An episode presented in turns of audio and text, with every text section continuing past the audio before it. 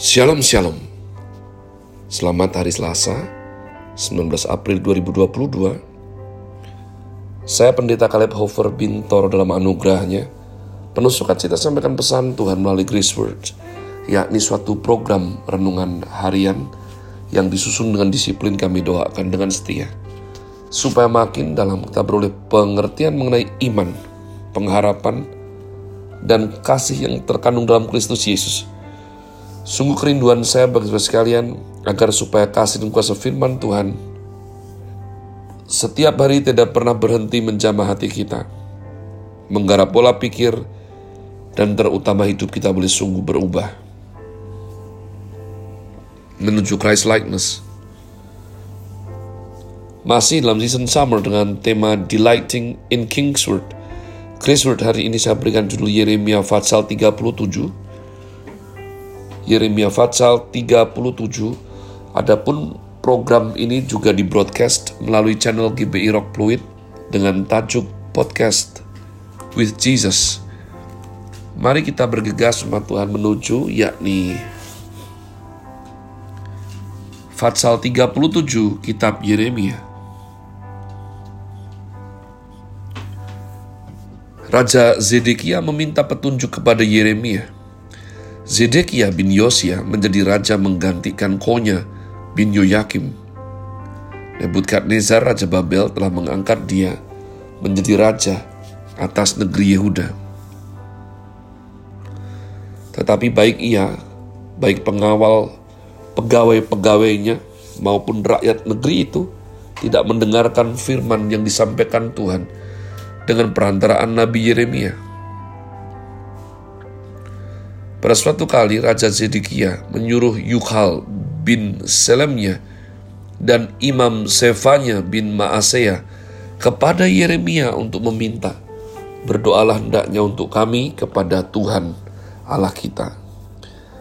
Adapun pada waktu itu Yeremia masih bebas pergi datang di tengah-tengah rakyat, ia belum dimasukkan orang ke dalam penjara. Adapun tentara Firaun telah berangkat keluar dari Mesir. Mendengar kabar itu, maka orang-orang Kasdim yang mengepung Yerusalem angkat kaki dari Yerusalem. Lalu datanglah firman Tuhan kepada Nabi Yeremia bunyinya. Beginilah firman Tuhan Allah Israel kepada Raja Yehuda yang menyuruh kamu kepadaku untuk meminta petunjuk. Harus kamu katakan begini, Lihat, tentara Firaun yang telah berangkat keluar untuk membantu kamu akan kembali ke negerinya, ke Mesir. Tetapi orang-orang Kasdim akan datang kembali memerangi kota ini, merebutnya, dan menghanguskannya dengan api. Beginilah firman Tuhan. Janganlah kamu membohongi dirimu sendiri dengan mengatakan, orang-orang Kasdim itu telah pergi untuk selamanya daripada kita. Padahal mereka tidak pergi untuk selamanya. Dan seandainya kamu memukul kalah segenap tentara orang Kasdim yang telah memerangi kamu itu, sehingga di antara mereka hanya tinggal orang-orang yang luka parah masing-masing, di kemahnya mereka akan bangun dan menghanguskan kota ini dengan api. Ayat 11 Yeremia dipenjarakan ketika tentara orang Kasdim itu telah angkat kaki dari Yerusalem oleh karena takut kepada tentara Firaun. Maka keluarlah Yeremia dari Yerusalem untuk pergi ke daerah Benjamin dengan maksud mengurus di sana pembagian warisan di antara kaum keluarga. Tetapi ketika ia sampai ke pintu gerbang Benjamin, maka di sana ada seorang kepala jaga yang bernama Yeria bin Selemya bin Hananya ia menangkap Nabi Yeremia sambil berteriak, "Engkau mau menyeberang kepada orang Kasdim." Dan sekalipun Yeremia menjawab itu bohong, aku tidak hendak menyeberang kepada orang Kasdim, tetapi Yeria tidak mendengarkan. Lalu ia mengang, menangkap Yeremia dan membawanya menghadap para pemuka. Para pemuka ini menjadi marah kepada Yeremia mereka memukul dan memasukkannya ke dalam rumah tahanan. Rumah panitera Yunatan itu Adapun rumah itu telah dibuat mereka menjadi penjara. Demikianlah halnya Yeremia masuk ke dalam ruang cadangan air di bawah tanah itu, dan lama Yeremia tinggal di sana. Ayat 17 Zedekia memindahkan tempat Yeremia dikurung. Pada suatu kali Raja Zedekia menyuruh orang mengambil dia, lalu dengan diam-diam bertanyalah Raja di, istananya kepadanya, adakah datang firman dari Tuhan? Jawab Yeremia, ada. Lagi katanya, bunyinya, engkau akan diserahkan ke dalam tangan Raja Babel. Kemudian berkatalah Yeremia kepada Raja Zedekia, Apakah dosa yang kuperbuat kepadamu, kepada pegawai-pegawaimu dan kepada bangsa ini, sehingga kamu memasukkan aku ke dalam penjara? Di manakah gerangan para nabimu yang telah bernubuat kepadamu, bahwa Raja Babel tidak akan datang menyerang kamu dan negeri ini. Sekarang dengarkanlah, hai Tuanku Raja. Biarlah permohonanku sampai di hadapanmu. Janganlah kembalikan aku ke rumah panitra Yonatan, nanti aku mati di sana. Raja Zedekia memberi perintah. Lalu orang menahan Yeremia di pelataran penjagaan, dan menghabiskan setiap hari kepadanya. Sepotong roti dari tu, dari jalan tukang roti sampai pada waktu segala roti habis di kota itu. Demikianlah Yeremia tinggal di pelataran penjagaan itu. Umat Tuhan,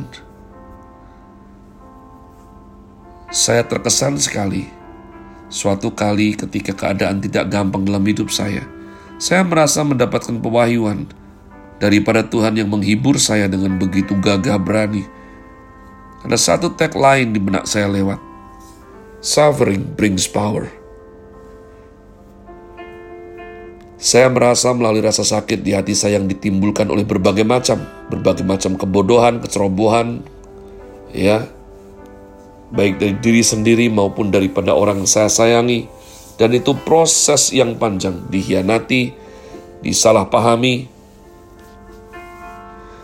tapi karena itu boleh terjadi, saya mempunyai kerangka pikir yang terus dirapikan Tuhan, sehingga saya rasa makin efektif.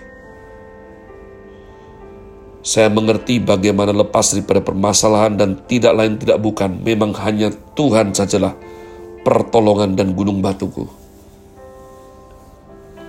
Tapi rupa-rupanya di dunia ini ada sejenis orang yang sudah jatuh, sudah menderita,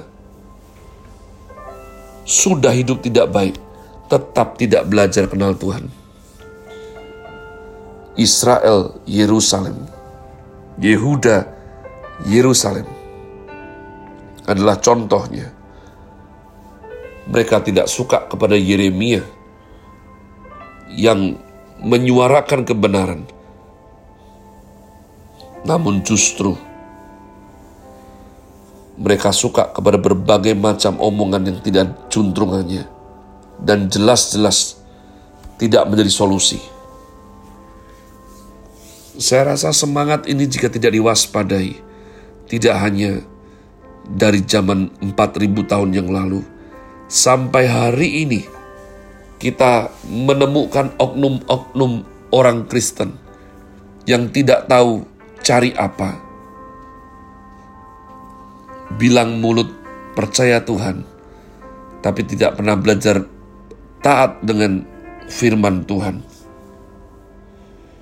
Selalu berkata-kata yang negatif, selalu memutuskan tanpa melibatkan Tuhan, tidak sungguh-sungguh cari kehendak Tuhan, dan hanya mau dikasih tahu yang baik-baik saja.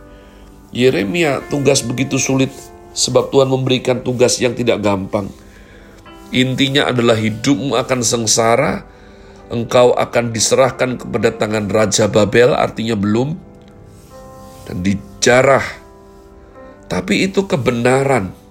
Bagaimana mungkin kita bisa benci atau tidak suka jika ada orang berkata bahwa kalau kamu tidak berwaspada, kamu akan kena COVID-19. Hati-hati loh, kamu habis dari luar kota, saya kasih tahu, orang rumahmu itu kakakmu, adik, ya, orang tua semua positif. Hati-hati, mungkin kamu nginap dulu ke rumah kakek atau temanmu.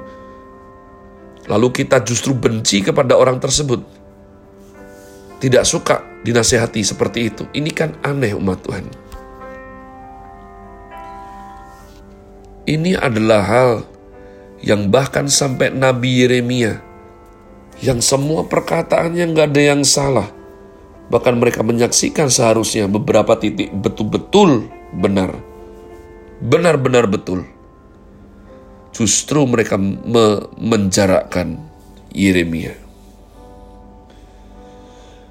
Saya berdoa sungguh di tengah masa paling sulit, paling kelam dalam hidup kita kita tidak panik, kita mengambil keputusan tidak dengan emosional, tapi dengan kepala dingin. Dengan sungguh-sungguh berseru kepada Tuhan, minta rahmat dan hikmatnya, sehingga kita diperkenan untuk berbijaksana memilih apa yang tepat, apa yang benar, apa yang sesuai daripada kehendak Tuhan. Have a nice day. Tuhan Yesus memberkati saudara sekalian. Sola. Grazie.